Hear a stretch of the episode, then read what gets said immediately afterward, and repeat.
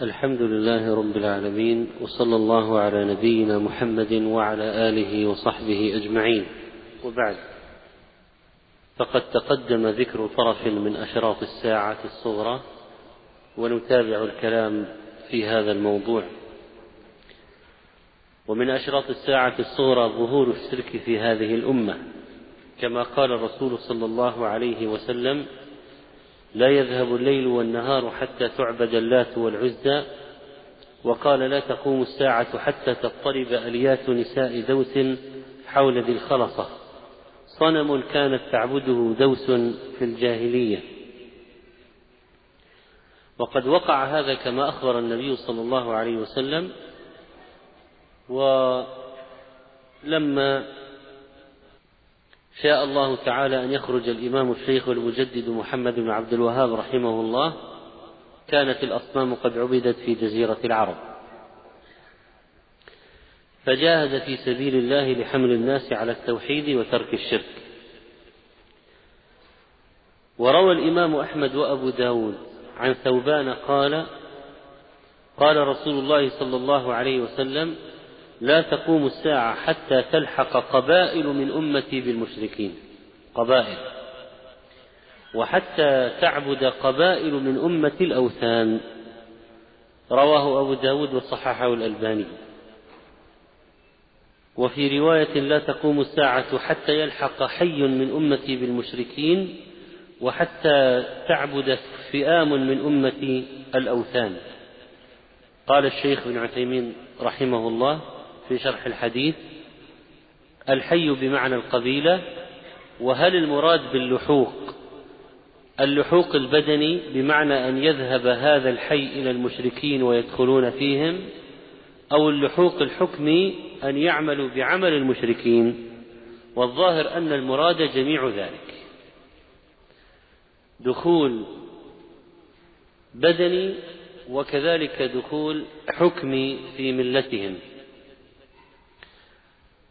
وقد يقع بعض الدخول بالأبدان ولكن الجميع الذين التحقوا بالمشركين في في بلادهم أو الذين بقوا في أماكنهم واعتنقوا ملل الكفر والشرك في جميع الحالات فإن هؤلاء سيكونون قد اعتنقوا المذاهب الكافرة أو بعض آه، عقائد الأمم الزائغة الكافرة.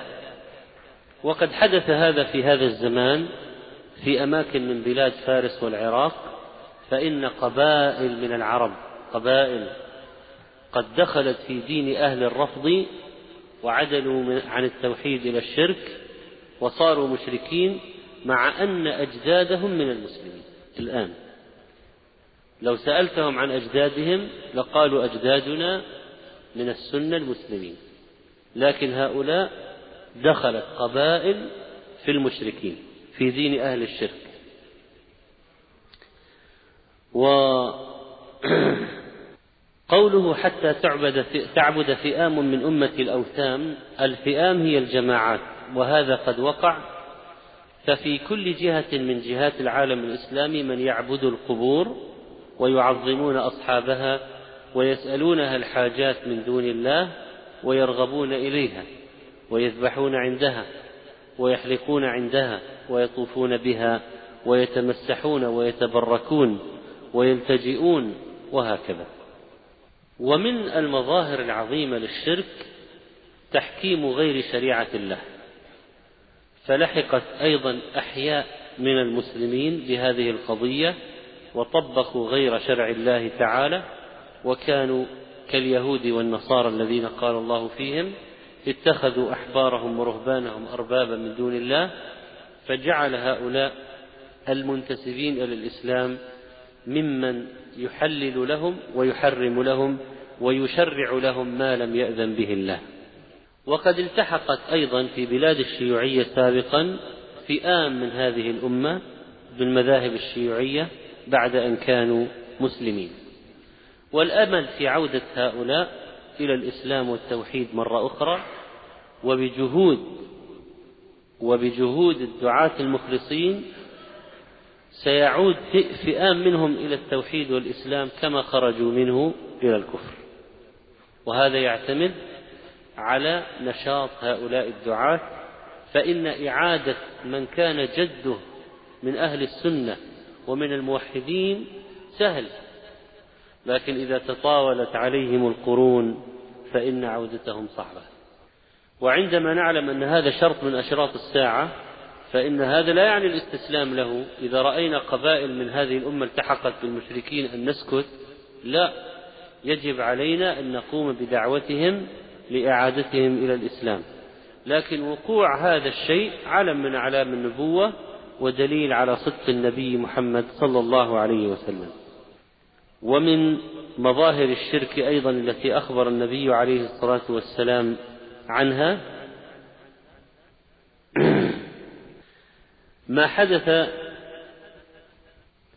أيضا من ظهور الفرق المشركة في هذه الأمة فقد ظهرت فرق كفرية كانوا من المسلمين ثم انحرفوا إلى الشرك والكفر كما وقع في ذلك القدرية وغيرهم. والباطنية أصلا كانوا من المسلمين ثم دخلت فيهم هذه هذه الدواخل الخبيثة وحرفت كثيرا منهم عن دين الله سبحانه وتعالى. وقال النبي عليه الصلاة والسلام إنه سيكون في أمتي أقوام يكذبون بالقدر. رواه أبو داود وحسنه الألباني. وعن عمر بن الخطاب قال سيأتي قوم يكذبون بالقدر ويكذبون بالحوض ويكذبون بالشفاعة ويكذبون بقوم يخرجون من النار. وهذا موقوف حسن. وروى الطبراني عن أنس أن النبي صلى الله عليه وسلم قال صنفان من أمتي لا يردان الحوض ولا يدخلان الجنة. القدرية والمرجئة. وقواه الألباني في السلسلة الصحيحة. إذا حدث ظهور القدرية كما أخبر النبي عليه الصلاة والسلام وهم الذين يقولون إن الله ما كتب المقادير ولا قدرها وأن كل واحد يخلق فعله بنفسه وأن الله لا يعلم بالشيء إلا بعد وقوعه تعالى الله عن قولهم علو كبير والمرجئة الذين أرجأوا العمل عن الإيمان وأخروا العمل عن الإيمان وقالوا الإيمان هو التصديق فقط وقالوا الإيمان في القلب والعمل لا يدخل في الإيمان ولا في مفهوم الإيمان وقد حدث ذلك فعلا. وكذلك من مما أخبر عنه النبي صلى الله عليه وسلم أيضا من أشراط الساعة لا تقوم الساعة حتى يظهر الفحش والتفاحش وقطيعة الرحم وسوء المجاورة. رواه الإمام أحمد وقال أحمد شاكر إسناده صحيح. فالفحش قد ظهر حتى في رسائل الجوالات اليوم وفي هذه الكتب ومواقع الإنترنت فحش عظيم. والتفاحش أيضا وقطيعة الرحم كثيرة وسوء الجوار والإساءة للجيران أيضا شيء منتشر. ومن أشراط الساعة أيضا تشبب المشيخة أي ادعاء الشيوخ وهم كبار في السن أنهم شباب صغار.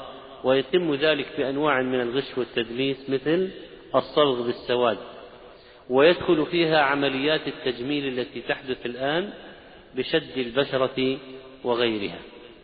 وقال النبي صلى الله عليه وسلم يكون قوم يخضبون في آخر الزمان بالسواد كحواصل الحمام لا يرثون رائحة الجنة أي أنه يبقى لهم أشياء كحوصلة الحمامة شكلا ويصبغونها بالسواد. قال لا يرثون رائحة الجنة. وقد وقع ما أخبر به النبي عليه الصلاة والسلام. وأما كثرة التجارة فقال صلى الله عليه وسلم إن بين يدي الساعة تسليم الخاصة وفشو التجارة حتى تعين المرأة زوجها على التجارة.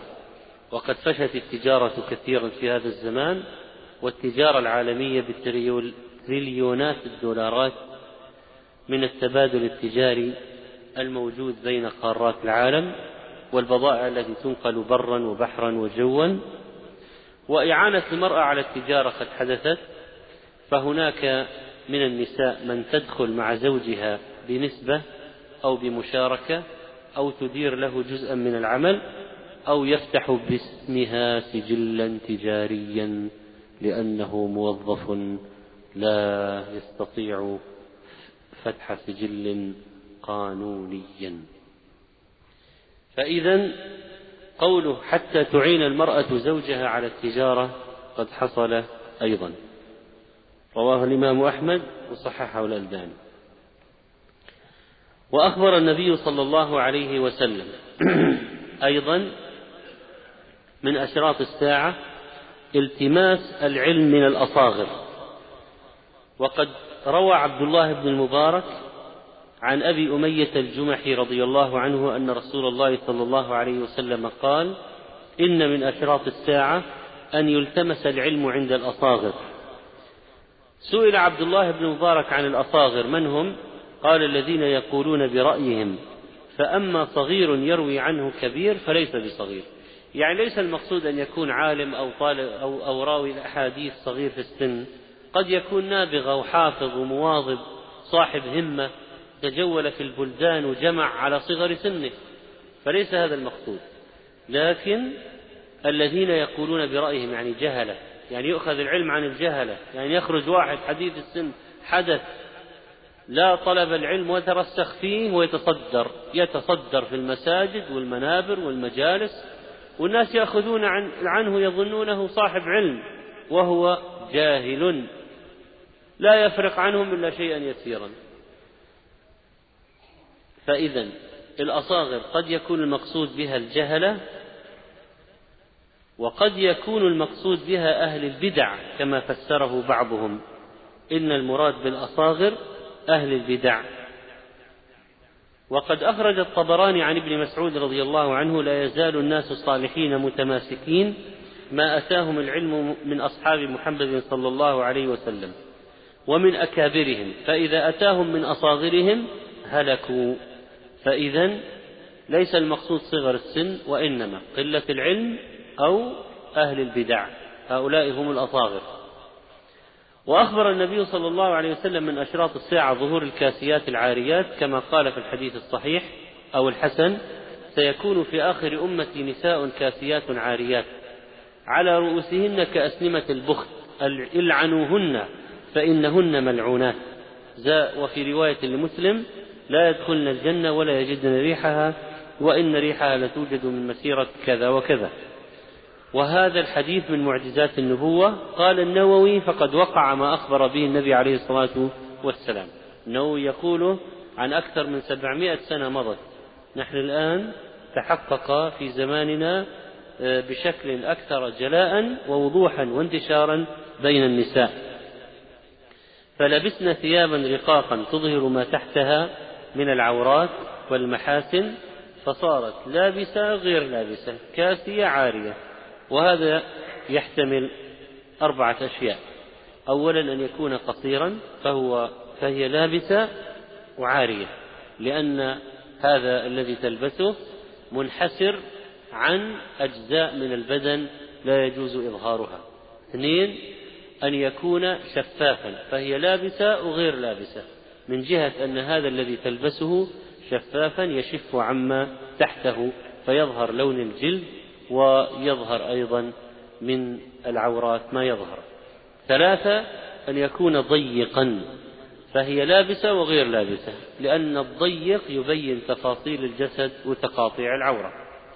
رابعا هذا المشقوق الموجود الآن فهي لابسة لكن أدنى حركة يظهر هذا الشق إلى أعلى الفخذ ويبين أيضا العورة فهي تكون لابسة وغير لابسة.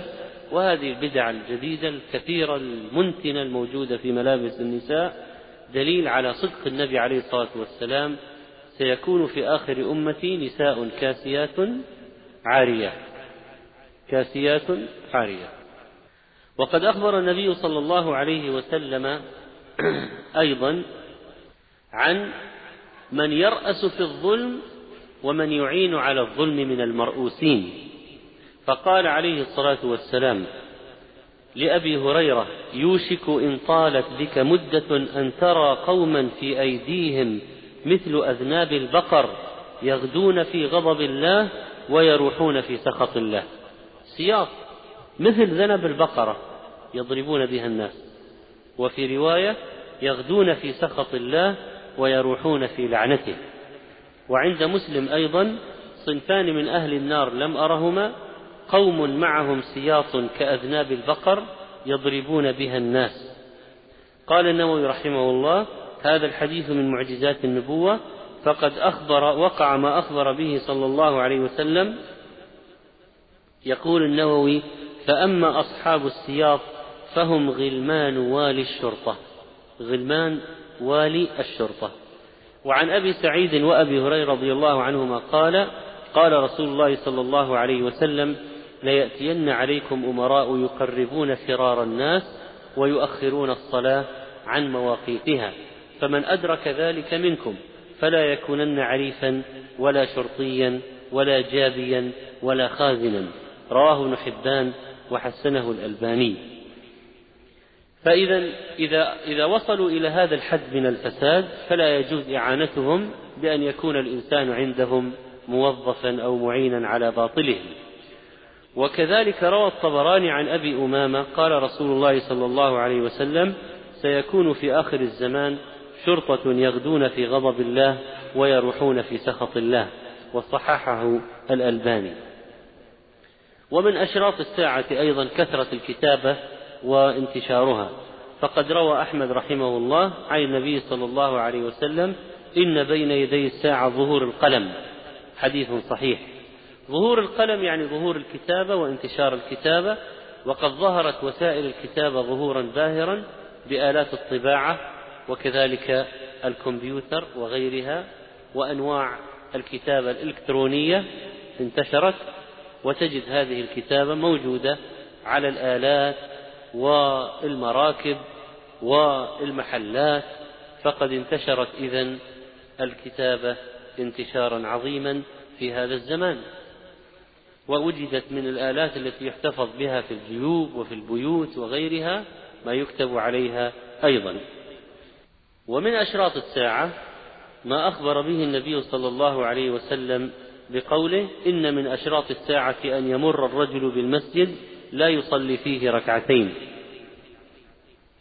وله طريق يتقوى بها وقال من اقتراب الساعة أن تتخذ المساجد طرقا حديث حسن.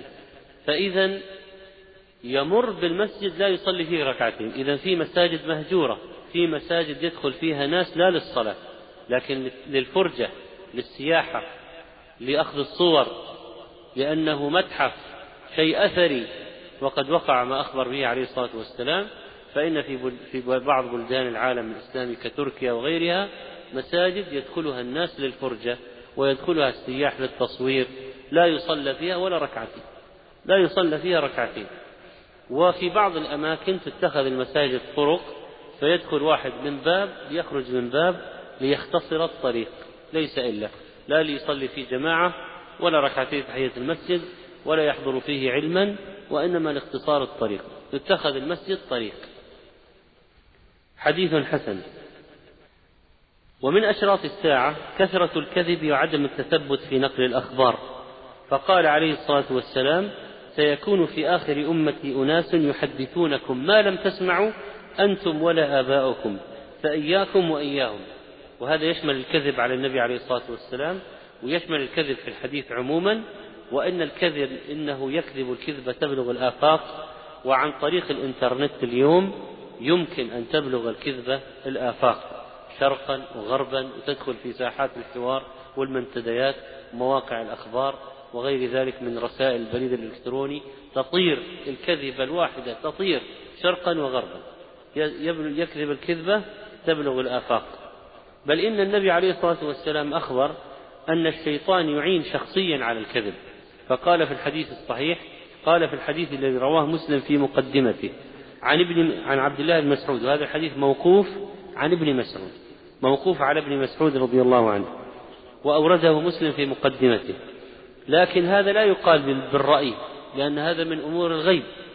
قال إن الشيطان ليتمثل في صورة الرجل فيأتي القوم فيحدثهم بالحديث من الكذب فيتفرقون فيقول الرجل منهم سمعت رجلا أعرف وجهه ولا أدري ما اسمه يحدث. فتشترك الشياطين في الكذب أيضا. وروى مسلم في مقدمته أيضا عن عبد الله بن عمرو بن العاص قال إن في البحر شياطين مسجونة أوثقها سليمان يوشك أن تخرج فتقرأ على الناس قرآنا. قال النووي معناه تقرأ شيئا ليس بقرآن وتقول إنه قرآن لتغري به عوام الناس فلا يغترون. إذا على الناس أن لا يغتروا لو رأوا ذلك وأن أنهم يعلمون ما هو كتاب الله. يعلمون هذا القرآن المفتتح بالفاتحة والمختتم بسورة الناس وأنه لا زيادة عليه ومن ادعى الزيادة فهو كذاب. إنا نحن نزلنا الذكر وإن له لحافظون. من أشراط الساعة كثرة شهادة الزور وكتمان الحق. كما قال عليه الصلاة والسلام إن بين يدي الساعة شهادة الزور وكتمان شهادة الحق. رواه أحمد. حديث صحيح يبين كثرة شهادة الزور وانتشار شهادة الزور وهذا واقع اليوم في المحاكم في المدارس في المكاتب كثرة شهادة الزور. وأيضا يكتمون شهادة الحق فلا يصرح بالحق وإنما يكتم الحق. ومن أشراطها أيضا كثرة موت الفجأة كما قال عليه الصلاة والسلام إن من أمارات الساعة أن يظهر موت الفجأة رواه الطبراني. وحسنه الألباني. وهذا أمر مشاهد اليوم كثرة السكتات القلبية والجلطات والسكتات الدماغية فإنها قد أحدثت موت الفجأة وأدخل فيه بعض المعاصرين حوادث السيارات فيموت فجأة في حوادث السيارات. وكذلك تدخل فيها أيضا الحوادث الجوية التي فيها موت أناس فجأة ونحو ذلك. من أشراط الساعة ما وقعت مباديه ولم يستحكم يعني أنه على انتشاره باقي لكن أوله حصل أوائله صارت مبادئ حصلت. إنما باقي على انتشاره باقي على انتشاره مدة الله أعلم بها. أو يكون وقع أحيانا في بلد دون بلد أو في وقت دون وقت. أو حدث في وقت وانتهى وسيحدث مرة أخرى. حدث في بلد وانتهى وسيحدث مرة أخرى. حدثت منه حالات ولكن بقيت من حالات أخرى كثيرة أكثر ستحصل فيما بعد.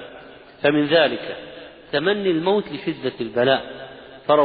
فروى البخاري عن أبي هريرة عن النبي صلى الله عليه وسلم قال لا تقوم الساعة حتى يمر الرجل بقبر الرجل فيقول يا ليتني مكانه.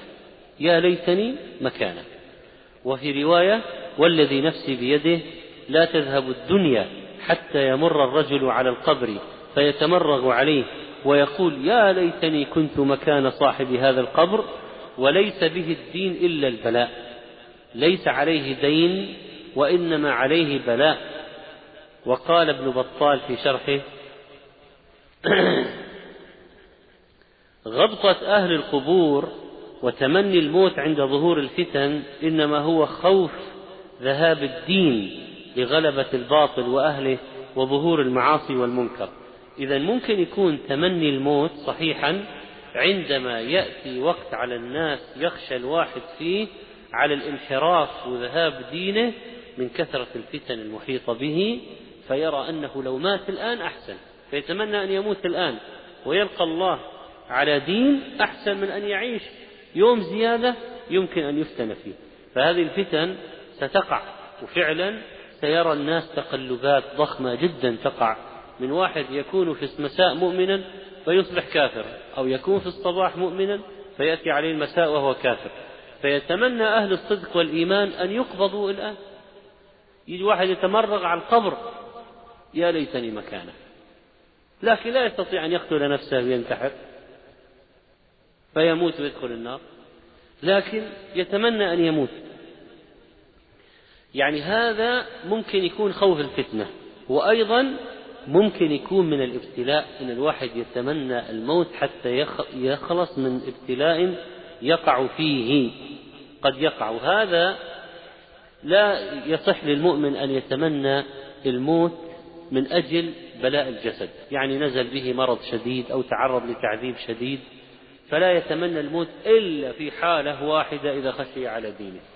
أما الخشية على البدن والتألم البدن والمصائب التي تحصل فإن بعض الناس قد يموت أقاربه كلهم مثلا أو عائلته في حادث مثلا فيقول أنا الآن أتمنى الموت وأنا أريد أن أحق بهم.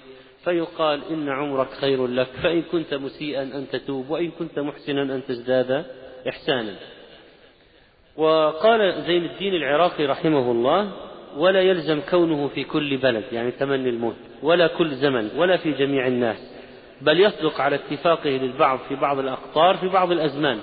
يعني بالتأكيد محاكم التفتيش في الأندلس أو الشيوعية وما فعلته بالمسلمين أكيد أن مر عليهم زمن تمنى بعضهم الموت من كثرة ما يرى في الفتنة في الدين.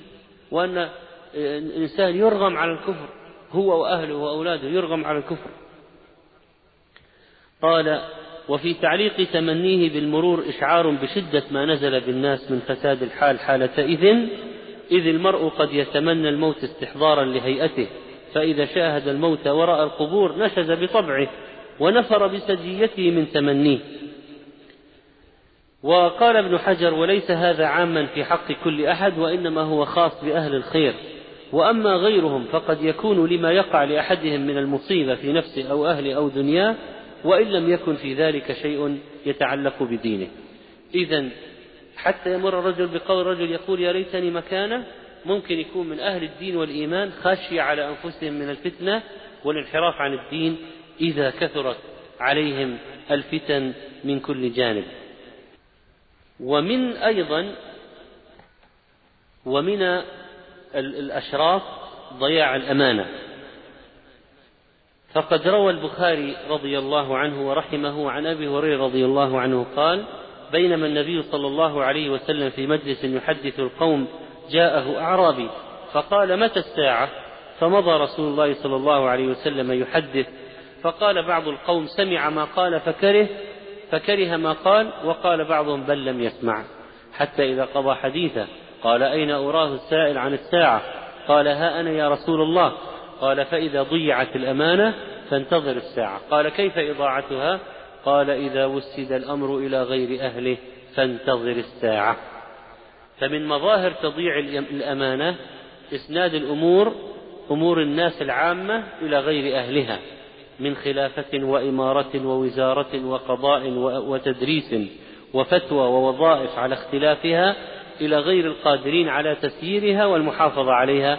كما وضحه ابن حجر رحمه الله في فتح الباري ولا يزال الناس يضيعون الأمان اليوم وتكون الوظائف بالواسطات وليس بالقدرات ولا بالإمكانات ولا بالشهادات وإنما بما يكون من أنواع الرشوة وغيرها وبالتالي توسد الأمور إلى غير أهلها وهذا من أشراط الساعة العظيمة.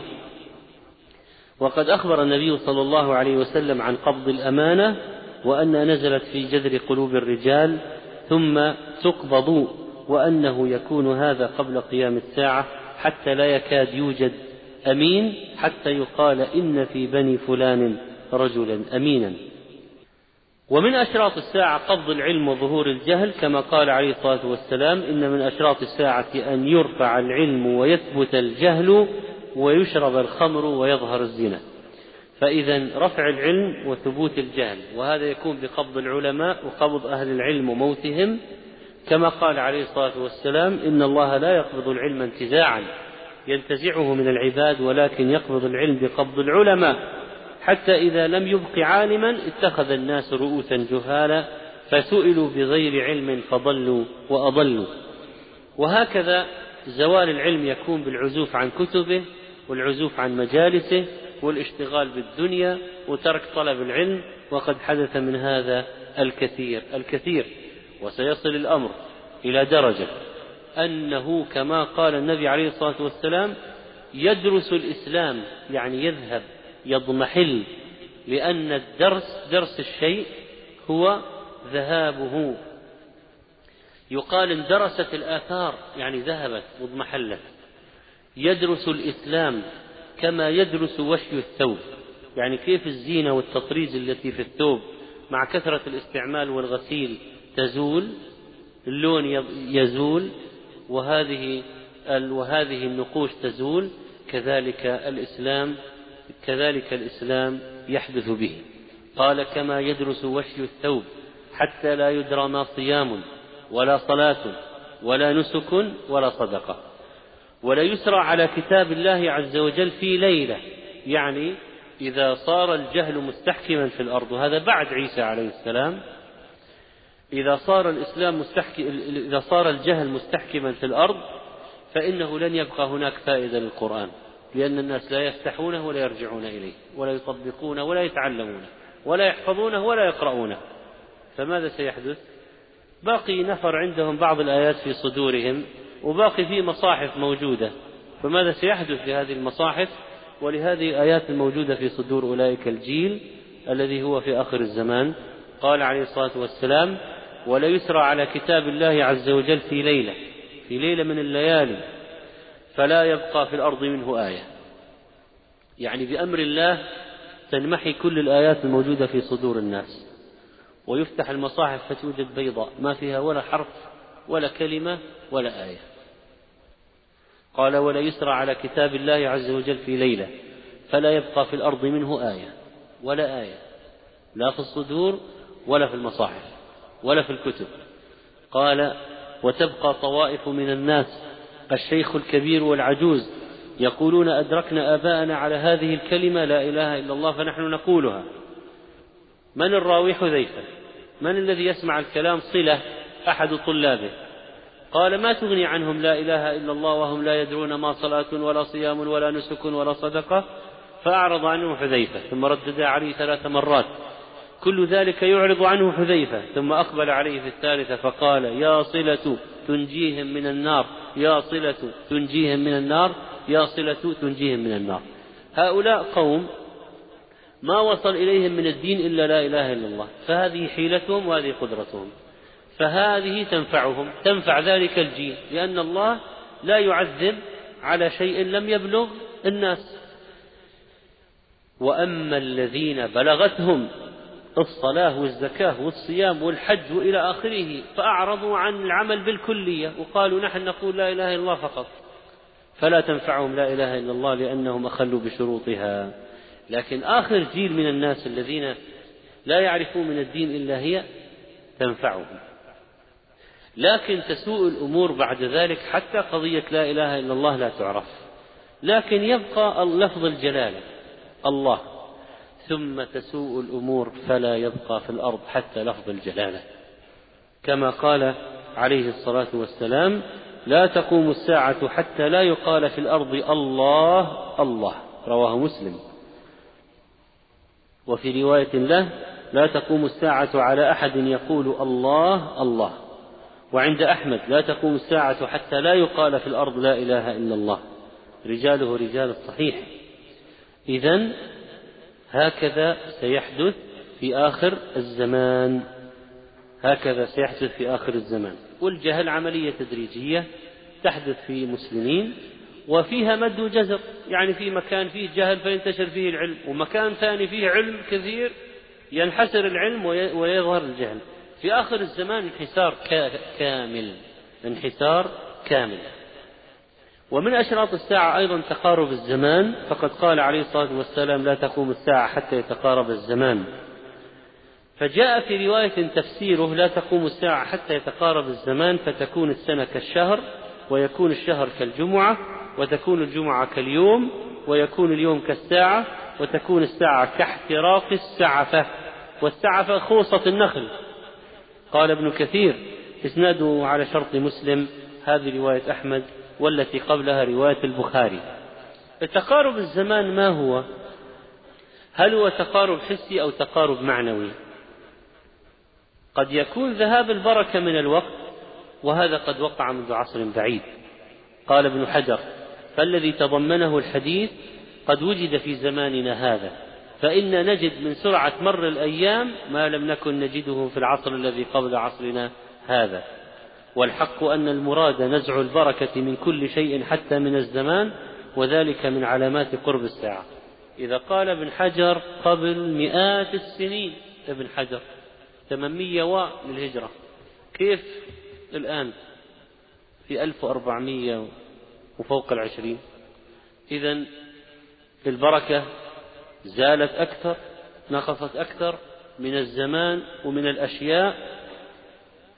هذا أحد تفسيرات تقارب الزمان يعني قلة البركة في الوقت وتحس اليوم يمر بسرعة والأسبوع ينقضي بسرعة والشهر ينقضي بسرعة والسنة والعمر. وممكن يكون تقارب الزمان اختصار الأو... الأو... اختصار الأوقات بالإختراعات الحديثة. قال الشيخ عبد العزيز بن باز رحمه الله في تعليقه على فتح الباري في تقارب الزمان. التقارب المذكور في الحديث يفسر بما وقع في هذا العصر من تقارب ما بين المدن وقصر والأقاليم وقصر المسافة بينها بسبب اختراع الطائرات والسيارات والإذاعة وما إلى ذلك والله أعلم. إذا إذا اختصار المسافة تقارب الزمان ممكن يكون بهذه الاختراعات التي قربت المسافات.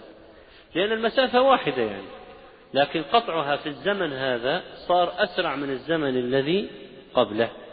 فالمسافة التي كانت تقطع مثلا ما بين هذه المنطقة والمكة مثلا قبل مدة قبل اختراع الطائرات ممكن تكون في شهرين مثلا. الآن تقطع في ساعتين. المسافة هي هي لكن ماذا حدث للزمان؟ تقارب بفعل هذه الاختراعات. وممكن يكون المراد الأمرين يعني ذهاب البركة من الوقت وأيضا هذه الاختراعات التي قربت أو اختصرت الوقت اختصرت الوقت. هناك أشياء كثيرة اختصرت الوقت يعني حتى في أعمال الطهي والغسيل وإلى آخره من الأشياء. وأما التقارب الحسي أن يقصر اليوم قصرا حسيا كما أنه يطول في عهد الدجال طولا حسيا يعني اليوم في عهد الدجال كسنة أول يوم من من أربعين يوم الدجال كسنة. الناس يحسون أنها طويلة جدا جدا مثل السنة مرور اليوم مثل السنة. لكن أن السنة تمر كالشهر والشهر يمر كالأسبوع والأسبوع يمر كاليوم واليوم يمر كاحتراق السعفة هذا وارد أن يحصل أيضا فيكون التقارب حسي ومعنوي بزوال البركة وبالآلات الحديثة وأيضا بأن يقدر الله أن يمر الزمن بسرعة بالغة جدا. وكذلك فإن تقارب الزمن يمكن أن يراد به قصر الزمن قصر الزمن الحسي كما تقدم وأشار إلى ذلك الحافظ رحمه الله تعالى. من الأشياء أيضا كثرة النساء وقلة الرجال. قال عليه الصلاة والسلام من أشراط الساعة وتكثر النساء ويقل الرجال حتى يكون لخمسين امرأة القيم الواحد. القيم الواحد واحد يقوم عليهن. زوجات وأخوات وبنات وأبناء بنات عم وخالات وعمات وبنات خال وبنات عم هذا خمسين مرة ما في إلا واحد من الرجال يقوم عليهن.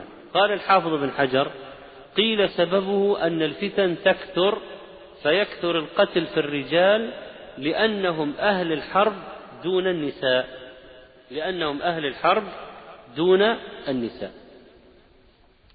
لكن هذه القضية وهي قضية كثرة القتل قد سبق التطرق إليها فيما مضى. كثرة سبق التطرق إليها فيما مضى وهي آه، كثرة القتل وكثرة القتل ستكون بسبب الفتن فعلا. وقد سبق أن قلنا إن كثرة الفتن تكون نتيجتها حروب وفتنة مثل فتنة الدهيماء التي لا تدع أحدا إلا لطمته لطمة. فأخبر النبي صلى الله عليه وسلم في بعض الأحاديث أن الرجل يقتل أباه وأخاه وابن عمه وجاره. قالوا يا رسول الله معنا عقولنا؟ يومئذ؟ هذه الأشياء معنا عقولنا يومئذ؟ فأخبرهم أن عقول أهل ذلك الزمان تكون كالهباءة ذرة الغبار. ولذلك ممكن واحد يقتل أخاه وأباه وابن عمه وجاره كله يقتله. وأخبر عليه الصلاة والسلام أن من الفتن أن لا يدري القاتل فيما قتل ولا المقتول فيما قتل. من الفتن كثرة القتل وهو الهرج. لا يدري الإنسان لماذا قتل ولا يدري المقتول لماذا قتل. فسبب من أسباب قلة الرجال الفتن والحروب التي ستكون نتيجة لها وما ينتج عنها من قتل المقاتلة وهم أكثرهم أكثر المقاتلين وحملة السلاح من الرجال. هذا الغالب. قال والظاهر أنها علامة محضة لا لسبب آخر بل يقدر الله في آخر الزمان أن يقل من يولد من الذكور ويكثر من يولد من الإناث. إذا لها سببان. كثرة النساء حتى يكون معدل النساء للرجال. ممكن يأتي وقت على بعض الناس واحد رجل يلوذ به خمسون امرأة. يلوذ به خمسون امرأة. فيمكن أن يكون نتيجة قتل الرجال في الحروب وهم أكثر جنودها وممكن يكون نتيجة شيء قدري أن الله يجعل نسبة المواليد إناث أكثر من الذكور. طبعا حتى الآن في العالم تقارير العالمية آه، تشير إلى تقارب بين نسبة الرجال والإناث الذكور والإناث. وهناك أشياء غريبة في الصين يعني من جهة هذه النسبة. وفي بقية دول العالم تكاد تكون النتيجة متقاربة أحيانا 49 51 وهكذا. وقد يوجد في بعض دول العالم في روسيا مثلا روسيا آه، معدلات الإناث يعني أكثر بلد في العالم نسبة الإناث أكثر من الذكور فيها في روسيا.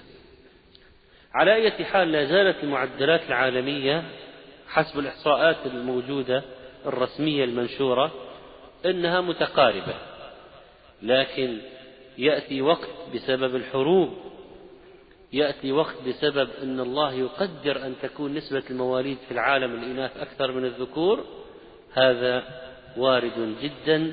ولا والحق ما قاله عليه الصلاة والسلام من أن ذلك سيقع وأن يكون الرجال أقل والنساء أكثر. ومن الأسباب ومن الأشراط أيضا عود عودة أرض العرب مروجا وأنهارا.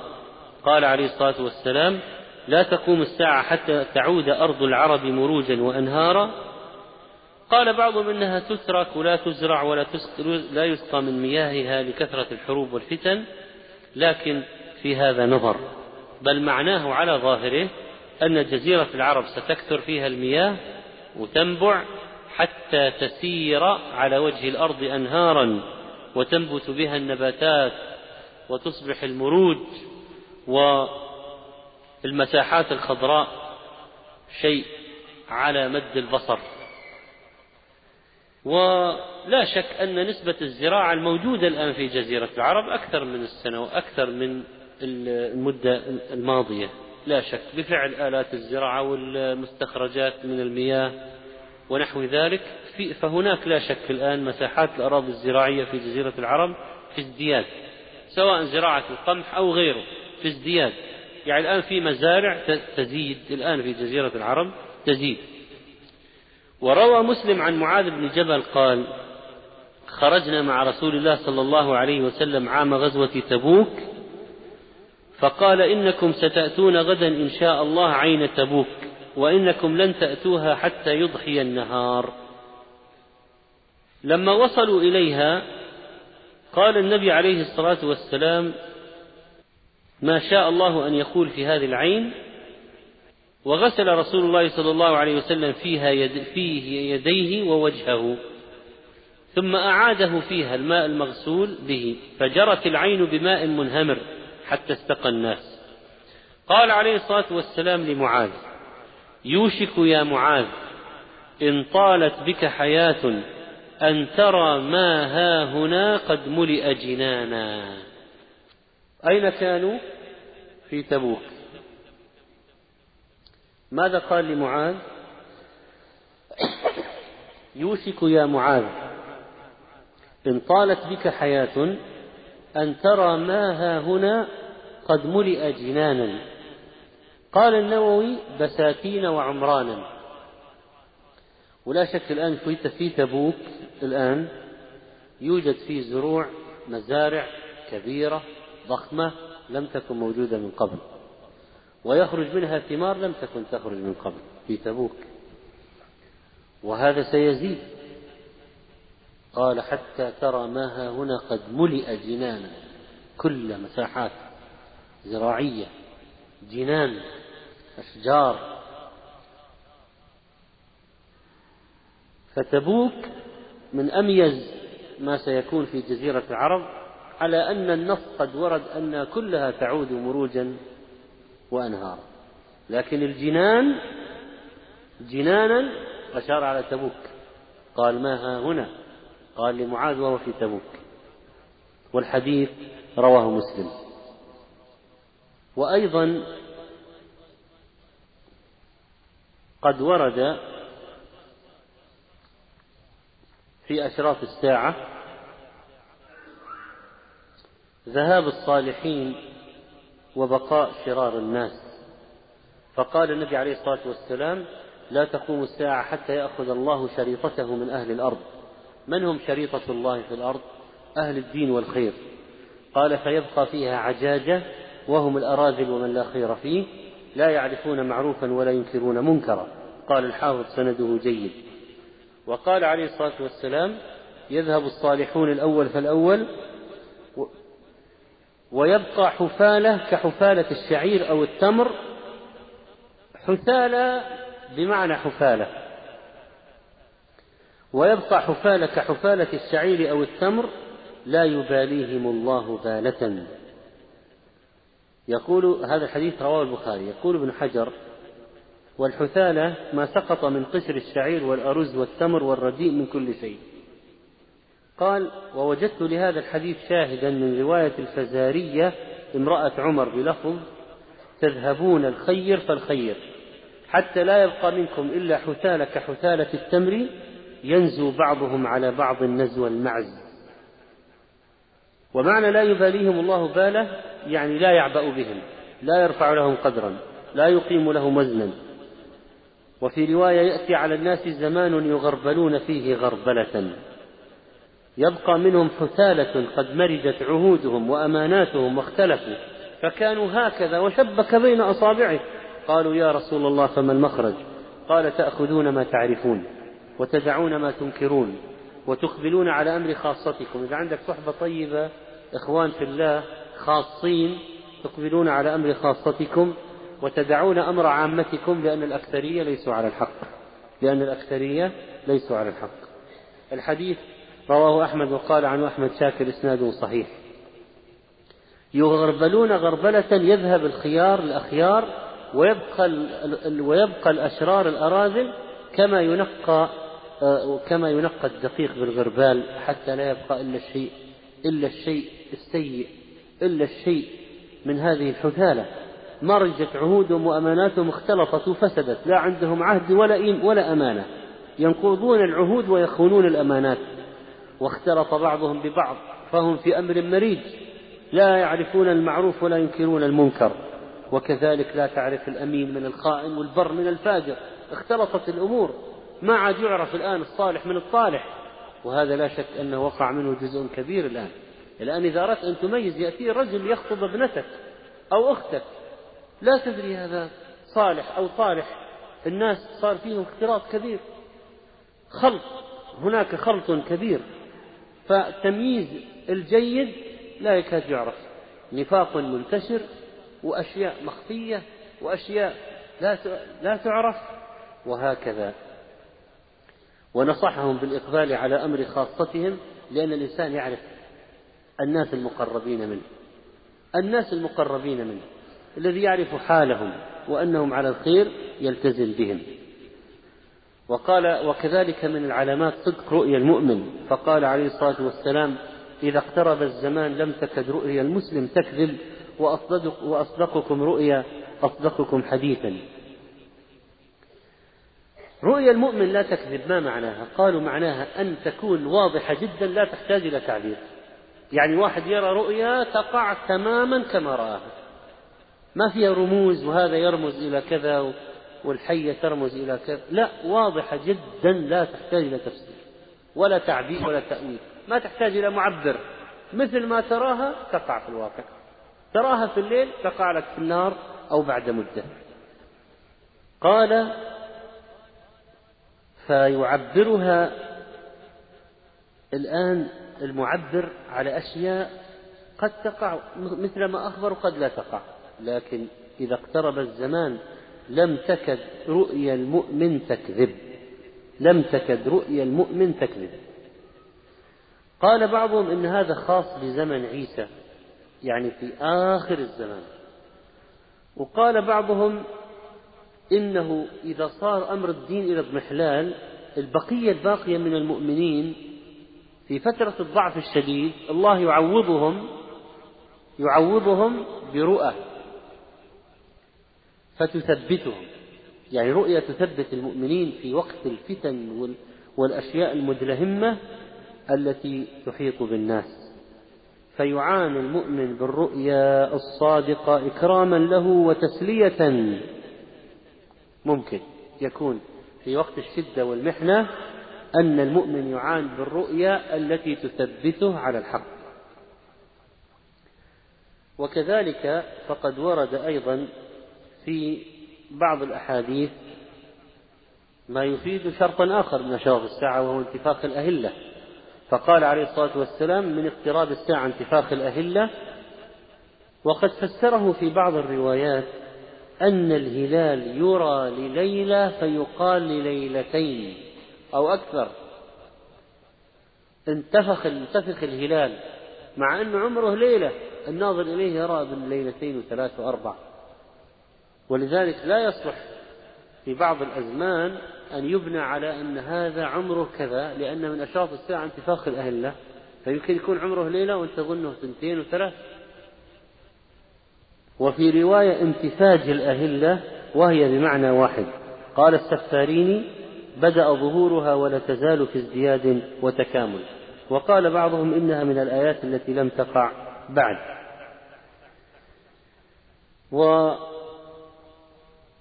والنبي صلى الله عليه وسلم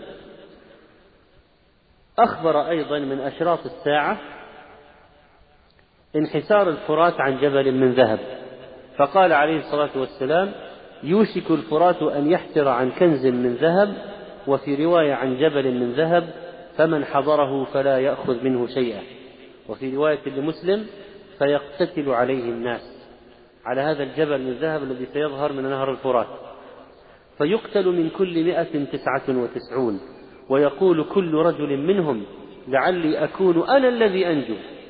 ولذلك أوصانا وقال فمن حضره فلا يأخذ منه شيئا. طيب لما قال يحسن عن كنز من ذهب ما معنى كنز؟ يعني أنه كان شيئا مخفيا من قبل. أنه كان شيئا مخفيا مكنوزا. فالآن قد ظهر. وتسميته جبلا للإشارة إلى كثرته. وكونه من ذهب ذهب الذهب المعروف. أما من قال الذهب الأسود والبترول فهذا هراء فإن البترول لا يكون جبلا فوق الأرض ولا ينحسر الفرات عن جبل من البترول. إذا هو ذهب والأصل حمل ألفاظ الشارع على ظاهرها. ماذا نفعل إذا وجدناه رأيناه لا نأخذ منه شيئا؟ وأخبر النبي عليه الصلاة والسلام أن من أشراط الساعة التناكر بين الناس. لا يكاد أحد يعرف أحد ولا يتعرف على أحد ولا يعترف بأحد. فقال عليه الصلاة والسلام في الساعة يلقى بين الناس التناكر فلا يكاد أحد أن يعرف أحدا. رواه أحمد وصححه الألباني. والتعارف عكس التناكر التعارف جريان المعرفة بين اثنين والتناكر ضده. وهذا فيه شيء من الواقع. الآن المعرفة بين الناس جحدت. لا ما ما يتعرف عليه. يأتيه في مكان يقول لا أعرفك ولا عمري رأيتك وهو قد رآه. يلقى التناكر بين الناس كما أخبر النبي عليه الصلاة والسلام. وقال صلى الله عليه وسلم أيضا في ضمن أشراط الساعة كثرة الشح. قال يتقارب الزمان وينقص العمل ويلقى الشح يعني يلقى في القلوب. والشح أشد من البخل لأنه بخل عن أداء الحقوق والحرص على ما ليس له. الإنسان قد يبخل بماله بخيل لكن إذا صار حريصا على ما ليس له بخيل عن أداء الحقوق التي عليه. فيكون قد دخل في الشح وهو مرتبة أسوأ من البخل. وأيضا فقد أخبر النبي صلى الله عليه وسلم من أشراط الساعة كلام السباع والجمادات للناس. فقال عليه الصلاة والسلام والذي نفسي بيده لا تقوم الساعة حتى تكلم السباع الإنس السباع معروف. السبع قد يكون أسدا نمرا فهدا. السباع والذي نفسي بيده لا تقوم الساعة حتى تكلم السباع الإنس. وهذا قد وقع منه مثال على عهد النبي عليه الصلاة والسلام.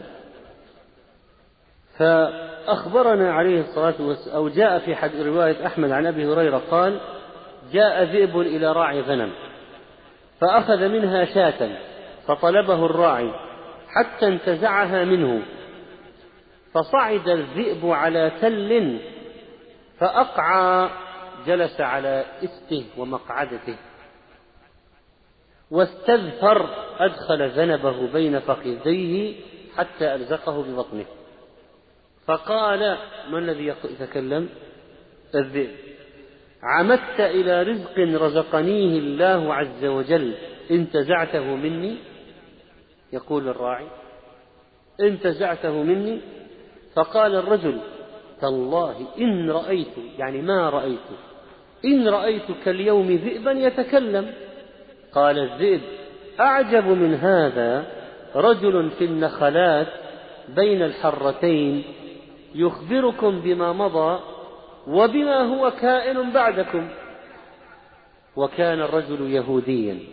فجاء الرجل النبي صلى الله عليه وسلم فأسلم وخبره فصدقه النبي عليه الصلاة والسلام. ثم قال النبي عليه الصلاة والسلام إنها أمارة من أمارات بين يدي الساعة.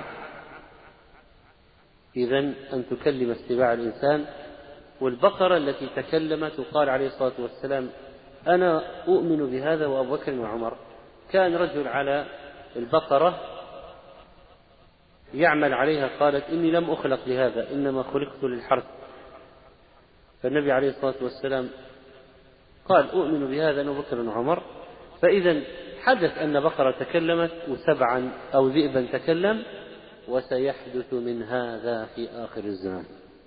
ومن أشراط الساعة أيضا ارتفاع الأسافل بحيث يكون الأمر بيد أراذل الناس كما أخبر النبي صلى الله عليه وسلم. ومن ذلك ما جاء في الحديث إذا كان الحفاة العراة رؤوس الناس فذاك من أشراطها رواه البخاري. وللترمذي لا تقوم الساعة حتى يكون أسعد الناس بالدنيا لكع ابن لكع حديث صحيح. واللكع هو اللئيم. ولابن ماجه سيأتي على الناس سنوات الخداعات يصدق فيها الكاذب ويكذب فيها الصادق ويؤتمن فيها الخائن ويخون فيها الأمين وينطق فيها الرويبضة. قيل وما الرويبضة؟ قال الرجل التافه في أمر العامة يتكلم في أمر العامة. رجل تافه سخيف لا عقل ولا منطق ولا علم يتكلم في قضايا مصيرية في أمر العامة. هذا الرويبضة. وعن ابن عباس قال قال رسول الله صلى الله عليه وسلم يكون عليكم وراءهم شر من المجوس. قال الهيثمي رواه الطبراني في الصغير والأوسط. ورجال رجال الصحيح خلا مؤمل بن إيهاب وهو ثقة. ومن أشراط الساعة أن تكون التحية للمعرفة. يعني ما يسلم إلا على الذي يعرفه والذي لا يعرفه لا يسلم عليه. كما قال بين يدي الساعة تسليم الخاصة. وقد جاء عن بعض السلف أنه رأى رجلا ما سلم إلا على من يعرفه. قال فذكر له الحديث. والآن بعض الناس تسلم عليه فينتظر الباقي يقول أيوه في في معرفة في الأخ الأخ في معرفة. يعني يستغرب أن واحد يسلم عليهم مع أن السلام أفشوا السلام تدخلوا الجنة. إفشاء السلام من السنة. ومع ذلك ينتظر بعض الناس أنه يعرفك من السلام. مع أن السلام إفشاؤه من الإسلام.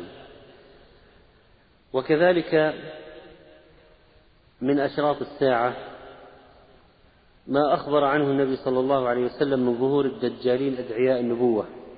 فقال لا تقوم الساعة حتى يبعث الدجالون كذابون قريبا من ثلاثين. كلهم يزعم أنه رسول الله.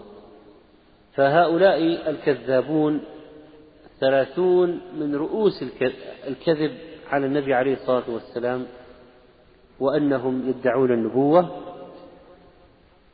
وأما عدد مدعي النبوة فهم أكثر من ثلاثين أكثر لكن منهم ثلاثون من أشهر الكذابين ومدعي النبوة أو حصلت بهم فتنة كبيرة ولهم أتباع ولا ادعى النبوة ناس ما لهم أتباع وادعى النبوة ناس وقتلوا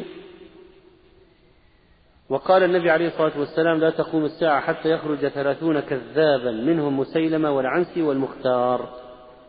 وقد ظهر مصداق ذلك في آخر زمن النبي عليه الصلاة والسلام فخرج مسيلمة باليمامة والأسود العنسي باليمن وطليحة بن خويلد في خلافة أبي بكر الصديق وسجاح التميمية التي قال فيها شديد بن ربعي أضحت نبيتنا أنثى نطيف بها وأصبحت أنبياء الناس ذكرانا.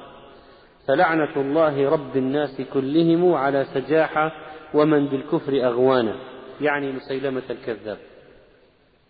وقتل الأسود قبل أن يموت النبي عليه الصلاة والسلام وقتل مسيلمة في خلافة الصديق وتاب طليحة ومات على الإسلام في خلافة عمر وقيل إن سجاح قد تابت أيضا. فالله أعلم. ثم ظهر المختار في سنة ستين وادعى النبوة والحارث الكذاب في خلافة عبد الملك بن مروان خرج وادعى النبوة وقتل وخرج في خلافة بني العباس جماعة. وكان المهدي رحمه الله من الخلفاء الحريصين جدا على تتبع الزنادقة ومدعي النبوة ووضعي الحديث المهدي حتى أنشأ وزارة خاصة لذلك. حتى أنه رفع إليه بشأن واحد لعله من المغفلين يعني أو في عقله شيء. فقال له المهدي أوحي إليك؟ قال نعم. قال بلغت؟ قال وهل تركتموني أبلغ؟ منذ أن أوحي إلي قبض علي جنودك. فترك إنه. فإذا هناك ثلاثون من رؤوس الكذابين. مدعي النبوة ومنهم طبعا الذي حصلت الفتنة به في هذا الزمان المتأخر غلام غلام أحمد القادياني الذي ادعى النبوة مرزا غلام القادياني الذي ادعى النبوة وعلى إثره و أو, أو تبعه آه، ملايين الناس. قاديانية لهم محطات فضائية في العالم ومراكز ضخمة جدا وانتشار ويعتقدون أن الحج إلى قاديان أفضل من الحج إلى مكة ويعتقدون أن محمد صلى الله عليه وسلم ليس خاتم النبيين. ولذلك القادياني إذا جاء يتكلم لا يقول الحمد لله رب العالمين والصلاة والسلام على خاتم الأنبياء والمرسلين. وإنما يقول الحمد لله والصلاة والسلام على محمد خاتم المرسلين. القادياني ما يقول محمد خاتم الأنبياء والمرسلين؟ لأنهم يعتقدون أن صاحبهم نبي. ويقول محمد خاتم المرسلين وليس خاتم الأنبياء. مع أن الله قال في الكتاب العزيز إيش؟ خاتم النبيين. عن محمد صلى الله عليه وسلم. ما كان محمد أبا أحد من رجالكم ولكن رسول الله وخاتم النبيين وقال لا نبي بعدي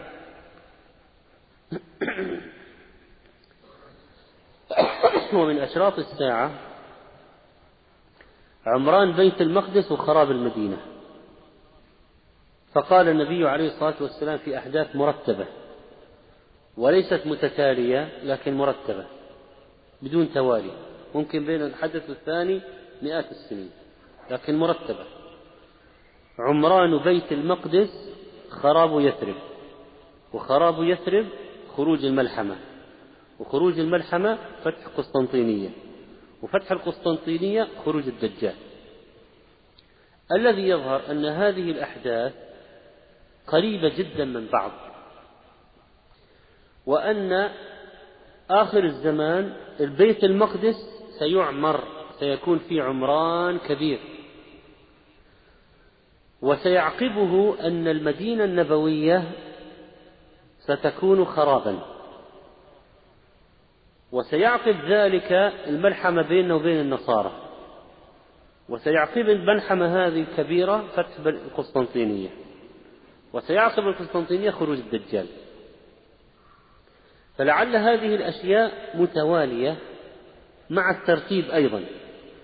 لكن هناك بعض الأحداث في السنة النبوية وردت متوالية آه، مرتبة لكنها لا يشترط أن تكون متوالية فقد يكون بين الواحد والآخر مئات السنين. وعمران بيت المقدس يعني أنه يكثر فيه الرجال والعقار والمال يقال بلد معمورة يعني فيها حركة فيها تجارة فيها مال فيها بنيان. عمران وخراب المدينة سيكون أيضا مما يحصل في آخر الزمان. أما عمارة بيت المقدس فقد قيل لأن الكفار يستولون عليه. وقال وقيل إنه يعمر بعد خرابه. وقيل إن بيت المقدس لا يخرب فالله أعلم. ويحتمل أن يكون المراد بعمارة بيت المقدس نزول الخلافة فيه في آخر الزمان. فإن بيت المقدس لا يعرف أنه كان عاصمة خلافة فيما مضى. يعني دمشق بغداد الأستان في تركيا في عواصم الخلافة. لكن بيت المقدس لم يعرف أنه صار عاصمة خلافة. فجاء في حديث الحوالي رجل من حوالة صحابي حوالي وهو عبد الله بن حوالة قال لي بعثنا رسول الله صلى الله عليه وسلم. قال بعثنا رسول الله صلى الله عليه وسلم لنغنم على أقدامنا فرجعنا فلم نغنم شيئا. وعرف الجهد في وجوهنا فقام فينا فقال اللهم لا تكلهم إلي فأضعف عنهم ولا تكلهم إلى أنفسهم فيعجزوا عنها ولا تكلهم إلى الناس فيستأثروا عليهم. ثم وضع يده على رأسي أو قال على هامتي ثم قال يا ابن حوالة إذا رأيت الخلافة قد نزلت الأرض المقدسة فقد دنت الزلازل والبلابل والأمور العظام والساعة يومئذ أقرب من الناس من يدي هذه من رأسك رواه أبو داود وصححه الألباني إذا ستكون هناك خلافة قبل قيام الساعة وستكون عاصمة الخلافة أين؟ بيت المقدس. وسيكون هذا قريبا من قيام الساعة جدا لأنه قال إذا رأيت الخلافة نزلت الأرض المقدسة فقد دنت الزلازل والبلابل والأمور العظام والساعة يومئذ أقرب من الناس من يد هذه من رأسك. فبعضهم قال إن عمران بيت المقدس في الحديث هو نزول الخلافة في بيت المقدس. وخراب يثرب خروج الملحمة وظهور الحرب العظيمة بين المسلمين والروم المسلمون الذين في بلاد الشام مع الروم. وخروج الملحمة فتح قسطنطينية وفتح قسطنطينية خروج الدجال وهذه تحدث متوالية ومتتابعة. فإن قيل إن الدجال سيأتي المدينة وسيمنع من دخولها وسيكون فيها ناس لأن منافقوها لأن المنافقين في المدينة لأن منافقيها سيخرج سيخرجون إليه عبر ثلاث هزات تحدث في المدينة يخرج منافقو المدينة إلى الدجال. فقال بعضهم إنها لا تخرب بالكلية لكن انتقال الخلافة منها إلى بيت المقدس. وقال بعضهم إن آه، إن المدينة سيبقى فيها بناء حتى أن المار عليها سيقول كان هنا أناس من قبل. ومن أشراط الساعة خروج الجهجاه وإحرازه للملك. فقال النبي عليه الصلاة والسلام لا تذهب الأيام والليالي حتى يملك رجل يقال له الجهجاه. رواه مسلم. وهذا الرجل ليس من الأحرار لكنه من العبيد.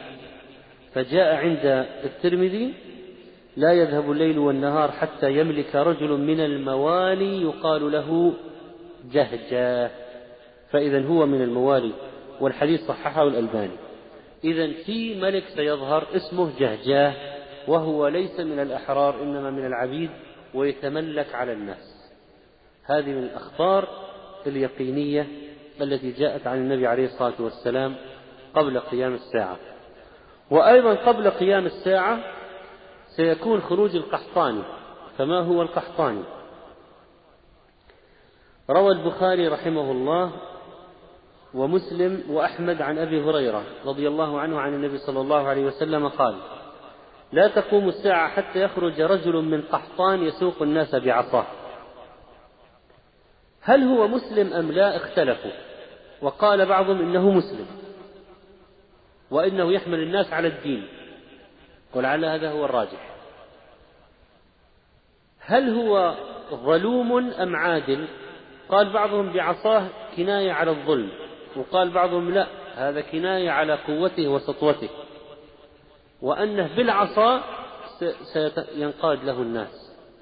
كما أن الراعي يقود القطيع بعصا فإن هذا الرجل سيكون من قوته وبأسه أنه يسوق الناس بعصاه.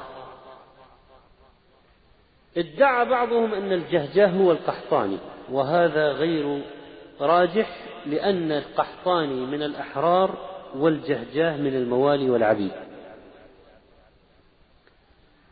وقد ورد عند نعيم بن حماد مرفوعا أنه يكون بعد المهدي وعلى سيرته وأنه ليس دونه لكن هذا ضعيف. يعني القحطاني سيكون بعد المهدي ولكنه على طريق المهدي وليس مثله في الفضل والعدل. وورد عن بعض السلف أنه رجل صالح يحكم بالعدل ويؤيد ذلك أنه روي في حديث عبد الله بن عمر لما ذكر الخلفاء قال ورجل من قحطان. وجاء أيضا بسند جيد عن ابن عباس أنه قال ورجل من قحطان كلهم صالح. يعني خلفاء ورجل من قحطان كلهم صالح فهذا يؤيد أنه صالح. أما زمن خروجه فالله أعلم به والحديث الوارد أنه سيكون بعد المهدي ضعيف. فهل سيكون قبله أم بعده؟ التوقف هو الأسلم ما دام لم يثبت شيء. ومن أشراط الساعة استحلال البيت الحرام وهدم الكعبة. كما أخبر النبي صلى الله عليه وسلم أن الحبشة سيأتونها وينقضونها حجرا حجرا ويسلبونها حليتها ويجردونها كسوتها. كما روى الإمام أحمد عن أبي هريرة عن أبي قتاد أبا عن أبي هريرة أن رسول الله صلى الله عليه وسلم قال يبايع لرجل ما بين الركن والمقام ولن يستحل البيت إلا أهله. يعني الذين سيعيثون فسادا ما هم من الأعاجم أو من الكفار البعيدين. ناس منهم وفيهم. فإذا استحلوه فلا يسأل عن هلكة العرب. ثم تأتي الحبشة. فيخربونه خرابا لا يعمر بعده أبدا وهم الذين يستخرجون كنزة. إذا تحت الكعبة يوجد كنز مدفون قطعا ما فيها شك. لكن لا يستطيع أحد أن يستخرج هذا الكنز إلا الحبشي. وإذا صار في الأرض لا يوجد من يقول لا إله إلا الله وذهب القرآن من الصدور ومن المصاحف فما الفائدة من وجود الكعبة؟ إذا لم يبق في الأرض إسلام ومسلمون ولا قرآن ولا ذكر ولا تهليل ولا يعرف الله في الأرض فما الفائدة من وجود الكعبة؟ لا فائدة. فعند ذلك يأذن الله بخروج الحبشي. قال عليه الصلاة والسلام يخرب الكعبة ذي السويقتين. له ساق ساقان ساق ضعيفة. قال ويسلبها حليتها ويجردها من كسوتها. ولكأني أنظر إليه أصيلع أفيدع تباعد ما بين الرجلين. يعني في تشويه في تشويه في خلقته. أصيلع أفيدع يضرب عليها بمسحاته ومعوله. قال ابن كثير إسناد جيد قوي وقال الألباني هذا إسناد صحيح. وفي رواية لأحمد كأني أنظر إليه أسود أفحج متماعد ما بين الساقين ينقضها حجرا حجرا يعني الكعبة. فيهدمها إذا ويأخذ كنزها وبالتالي تقوم الساعة. بعد ذلك. قال عليه الصلاة والسلام يخرب الكعبة ذي السويقتين له ساق ساقان ساق ضعيفة. قال ويسلبها حليتها ويجردها من كسوتها ولكأني أنظر إليه أصيلع أفيدع تباعد ما بين الرجلين يعني في تشويه في تشويه في خلقته. أصيلع أفيدع يضرب عليها بمسحاته ومعوله. قال ابن كثير إسناد جيد قوي وقال الألباني هذا إسناد صحيح. وفي رواية لأحمد كأني أنظر إليه أسود أفحج متماعد ما بين الساقين ينقضها حجرا حجرا يعني الكعبة. فيهدمها إذا ويأخذ كنزها وبالتالي تقوم الساعة بعد ذلك. وقد ورد في أشراط الساعة أن المدينة النبوية تنفي الخبث منها كما قال عليه الصلاة والسلام يأتي على الناس زمان يدعو الرجل ابن عمه وقريبه هلم إلى الرخاء؟ هلم إلى الرخاء. والمدينة خير لهم لو كانوا يعلمون. والذي نفسي بيده لا يخرج منهم أحد رغبة عنها إلا أخلف الله فيها خيرا منه إلا ألا إن المدينة كالكير يعني الحداد. تخرج الخبيث لا تقوم الساعة حتى تنفي المدينة شرارها كما ينفي الكير خبث الحديد رواه مسلم. فحمله بعضهم على زمن النبي عليه الصلاة والسلام وأن المنافقون كانوا يخرجون منها وحمله النووي على زمن الدجال أنه سيكون ذلك في آخر الزمان عندما تخرج خبثها وقيل إن المراد كلا من الزمنين كما في البخاري لما جاء الأعرابي وخرج. أسلم ثم خرج وقال أقلني بيع البيعة وخرج فقال عليه الصلاة والسلام المدينة كالكير تنفي, تنفي خبثها وتنفي خبثها. فإذا هذا حدث على عهد النبي عليه الصلاة والسلام وسيحدث في المسيح الدجال عندما ترجف المدينة ثلاث رجفات فيخرج الله منها كل كافر ومنافق. ما بينهما ما بين العهد النبوي والدجال خرج من المدينة صحابة للفتوحات ومجاهدون وعلماء لنشر الإسلام في الأرض. فليس المقصود هؤلاء قطعا. لكن سيأتي على الناس أو على المدينة وقت غير آهلة بالسكان ما فيها أحد فارغة. فقال عليه الصلاة والسلام يتركون المدينة على خير ما كانت لا يغشاها إلا العوافي يريد عوافي السباع والطير. وآخر من يحشر راعيان من مزينة يريدان المدينة ينعقان بغنمهما فيجدانها وحشا حتى إذا بلغ ثنية الوداع خر على وجوههما. إذا تترك المدينة في وقت من الأوقات ما فيها إلا السباع والطير. أما الناس فلا يوجد فيها أحد. وقال عليه الصلاة والسلام لتتركن المدينة على أحسن ما كانت حتى يدخل الكلب أو الذئب فيغذي على بعض سوار المسجد أو على المنبر. فقالوا يا رسول الله فلمن تكون الثمار ذلك الزمان؟ قال للعوافي للطير والسباع. رواه رواه الإمام مالك في الموطأ وهو حديث صحيح.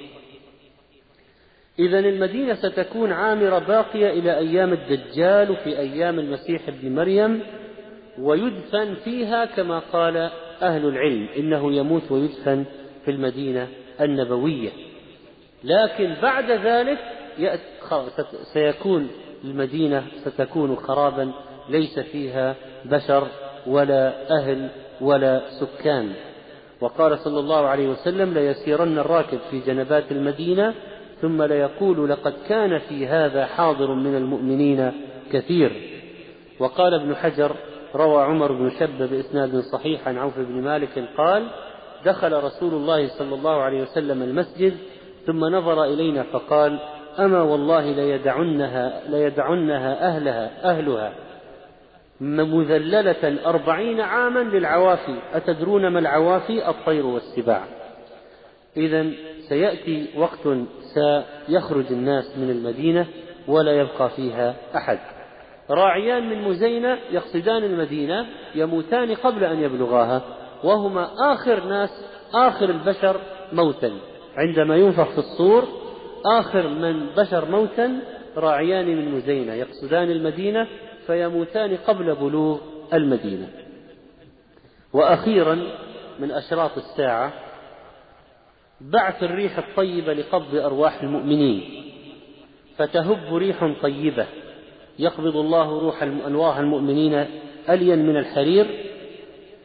إكراما لهم قبل زمن الفتنة الفتن والشرور فقال عليه الصلاة والسلام إذ بعث الله ريحا طيبة فتأخذهم تحت آباطهم فتقبض روح كل مؤمن فتقبض روح كل مؤمن وكل مسلم ويبقى شرار الناس يتهارجون فيها تهارج الحمر فعليهم تقوم الساعة.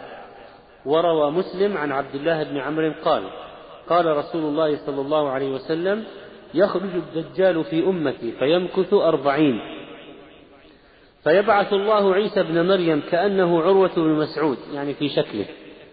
فيطلبه فيهلكه ثم يمكث الناس سبع سنين ليس بين اثنين عداوة. ثم ولا يشترط هذه بعد السبع مباشرة ثم تفيد التراخي. ثم يرسل الله ريحا باردة من قبل الشام فلا يبقى على وجه الأرض أحد في قلبه.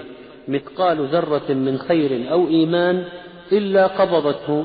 حتى لو أن أحدكم دخل في كبد جبل لدخلت عليه حتى تقبضه. إذا هذه الريح ستكون بعد نزول عيسى وبعد قتل الدجال وبعد خروج يأجوج ومأجوج يرسل الله بعد موت عيسى ريحا تقبض أرواح المؤمنين ويبقى الناس يتهارجون تهارج الحمير البقية وعليهم تقوم الساعة وفي ذلك الوقت يخرب تخرب الكعبة والمدينة لا يكون فيها أحد ويكون في في في ذلك الوقت من رفع الدين والإسلام والقرآن وزوال الكعبة ما يكون وبهذا نكون قد انتهينا من أشراط الساعة الصغرى في المجمل. وبقي لدينا الملاحم وسنفردها إن شاء الله في الدرس القادم وربما نضيف إليها شيئا من الأشراط الكبرى لأن بعض علامات الأشراط الكبرى آه، جاء ذكرها سريع. سريعا في النصوص فقد لا تأخذ وقتا في عرضها وشرحها. نسأل الله سبحانه وتعالى أن يثبتنا على دينه وأن يباعد بيننا وبين الفتن وصلى الله على نبينا محمد.